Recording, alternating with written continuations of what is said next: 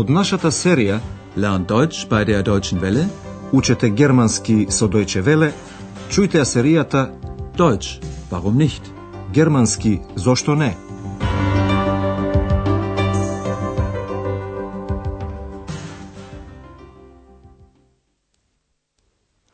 Драги слушателки и слушатели, добро дојдовте во третата серија на нашиот јазичен курс Deutsch, warum nicht?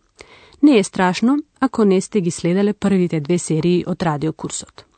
Во првите лекции од серијата 3 ќе го повториме најважното од сериите 1 и 2. Но најпрво, слушнете како звучи германскиот јазик. Слушнете една песна која може би и ја знаете. Слушнете ја на германски јазик.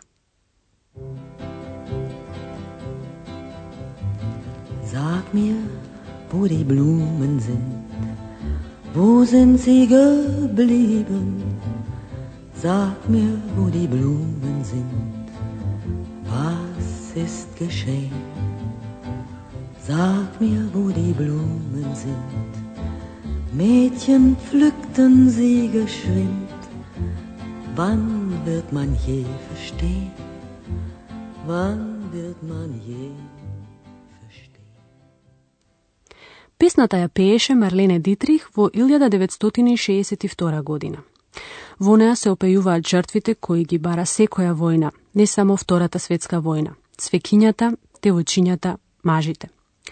Марлене Дитрих, позната глумица и пејачка, беше родена во 1901 година, во Берлин, и таму ја започна својата кариера. Почина во 1992 година во Париз. Во текот на серијата 3, ќе дознаете уште многу за Берлин, за неговата историја и други приказни. Но слушнете ја денеска најпрво првата лекција со наслов Музиката е супер. Ти музик е цупа. Оваа прва лекција е посебна. Се уште нема да почнеме со действото во радиокурсот. Најпрво сакаме, како и во првите две серии, да ве запознаеме со одредени техники на слушање, кои ќе ви го олеснат разбирањето на германскиот јазик. Денес ќе слушнете три сцени. Пред секоја сцена ќе ви биде поставено едно прашање. Обидете се да се сконцентрирате на прашањето. Слушнете ја сега првата сцена. Прашањето на кое треба да се сконцентрирате гласи: Каде се одигрува оваа сцена?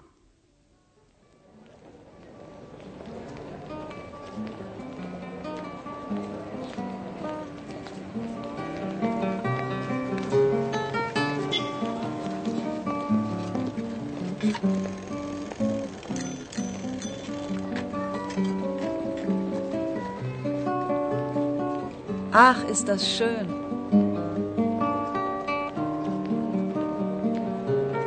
Fantastisch. Ja, die Musik ist super.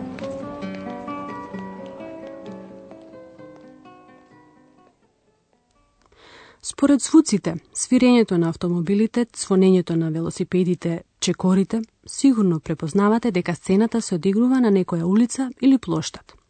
Еден музичар свири на својата гитара, минувачи застануваат, слушаат, а некои и ја коментираат музиката.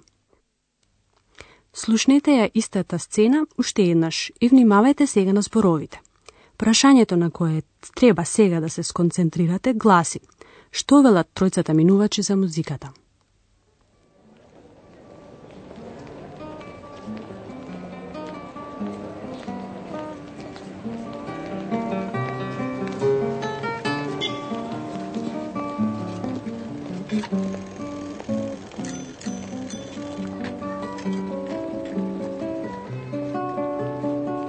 Ach, ist das schön.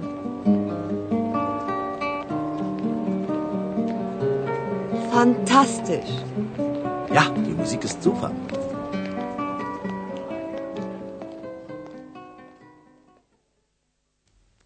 Тројцата се воодушевени од музиката. Првата жена малку замислено вели: Ах, колку е убаво. Ach, ist das schön. Втората жена извикува: Фантастично. Fantastisch. Со тоа се сложува и младиот човек. Да, музиката е супер. Ja, die Musik ist super. Тоа што го рекоа тројцата, сигурно го разбравте и од друга причина. Три зборови се слични како и на друг јазик, кој што го знаете како на пример англиски, француски или македонски. Тоа се значи интернационални зборови, како на пример фантастиш, фантастично, музик, музика и зупа, супер. Fantastisch. Ja, die Musik ist super. Значи интернационалните зборови, исто како и звуците, може да ви помогнат при разбирањето на една сцена на германски јазик. Применете го свесно ова знаење во следната сцена. Внимавајте на звуците и зборовите. Представете си ја уште еднаш сцената со уличниот свирач. Еден младич им приоѓа на тројцата минувачи и му се обраќа на другиот младич. Прашањето на кое треба да се сконцентрирате гласи.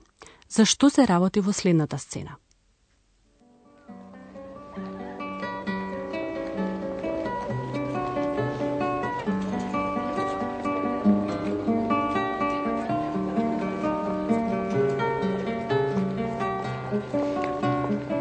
Hast du mal eine Zigarette für mich? Was willst du? Hast du mal eine Zigarette für mich? Ja. Hier.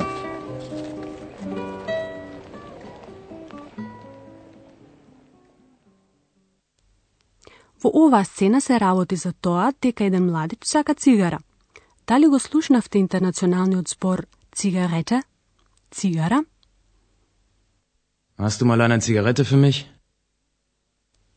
Како и во многу други градови во светот, така и во Германија има места каде се собираат млади луѓе, безделничат, каде свират улични свирачи.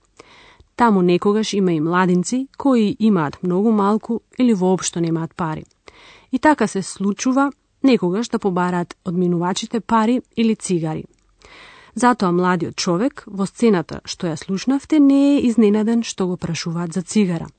Тој не слушна добро и затоа прашува Што сакаш? Was willst du? Младичот го повторува своето прашање. Hast du mal eine Zigarette für mich? Диалогот помеѓу младичот и младиот човек не е завршен. Замислете ја повторно таа сцена и слушнете како ќе продолжи разговорот. Прашањето на кое треба да се сконцентрирате гласи: Што уште може да побара младичот кој побара цигара?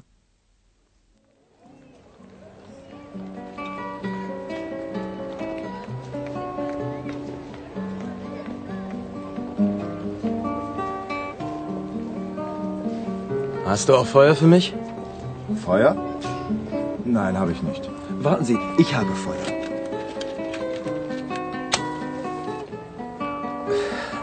Danke.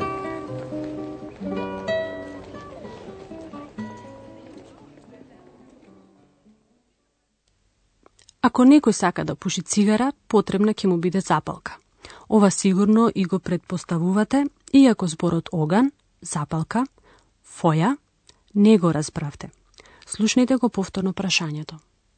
Hast du auch Feuer für mich? Младиот човек нема запалка и затоа вели. Запалка? Не, немам. Feuer? Nein, habe ich nicht. Но еден љубезен постар човек има запалка. Чекајте, јас имам запалка. Warten Sie, ich habe Feuer. Младичот се заблагодарува. Danke. Сега ќе повториме уште еднаш на кои места треба да внимавате при слушањето на еден текст.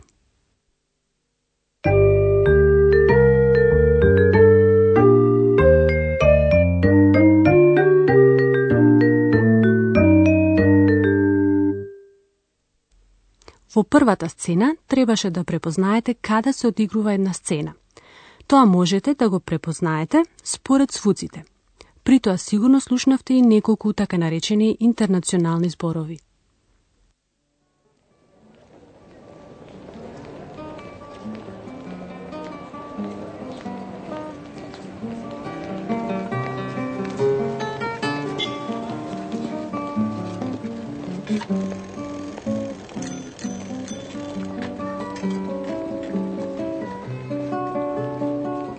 Ach, ist das schön.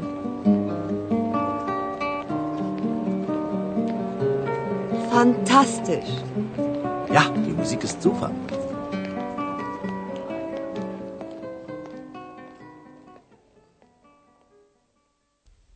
Во втората сцена требаше да препознаете што е тема на разговорот.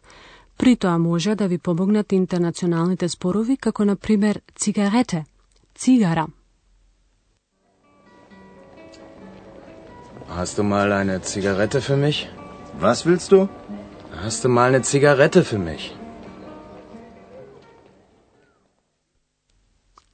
Во третата сцена требаше да го предпоставите по натамошниот тек на диалогот. Тоа ќе го сторите ако си ја представите поврзаноста на една сцена, на пример цигара, цигарете, се поврзува со запалка, фоја.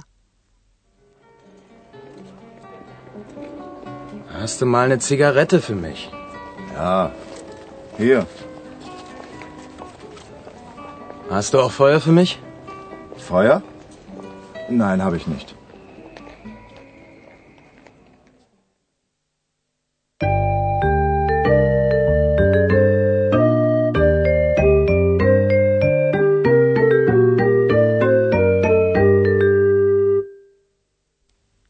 Slušnite gi se ga povtorno po jedinečni sceni.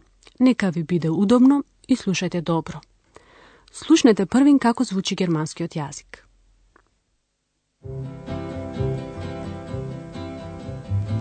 Sag mir, wo die Blumen sind, wo sind sie geblieben? Sag mir, wo die Blumen sind, was ist geschehen? Sag mir, wo die Blumen sind. Mädchen pflückten sie geschwind. Wann wird man je verstehen? Wann wird man je verstehen? Во следната сцена се работи за местото каде се одигрува една сцена.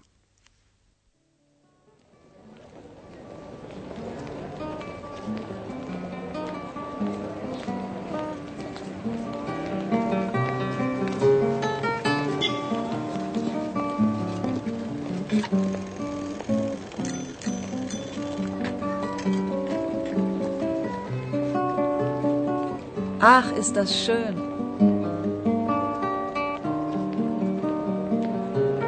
Fantastisch. Ja, die Musik ist super.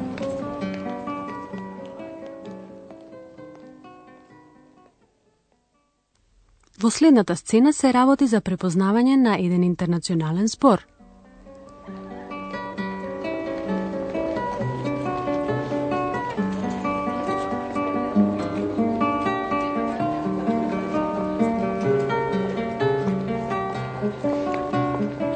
Hast du mal eine Zigarette für mich? Was willst du? Hast du mal eine Zigarette für mich? Ja. Hier.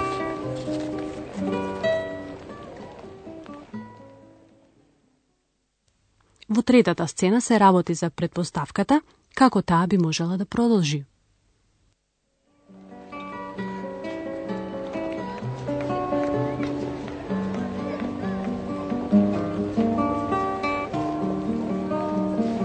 Hast du auch Feuer für mich? Feuer? Nein, habe ich nicht. Warten Sie, ich habe Feuer.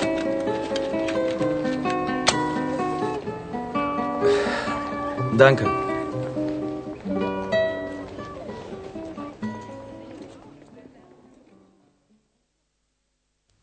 Тоа беше првата лекција. Во следната емисија ќе се представат главните личности на нашиот јазичен курс, а меѓу нив има и една невообичаена фигура. Значи до следниот пат, до слушање. Тоа беше германски Зошто не? Радиоговорен курс на Херат Мезе во продукција на Дојче Веле и на Гетовиот институт од Минхен.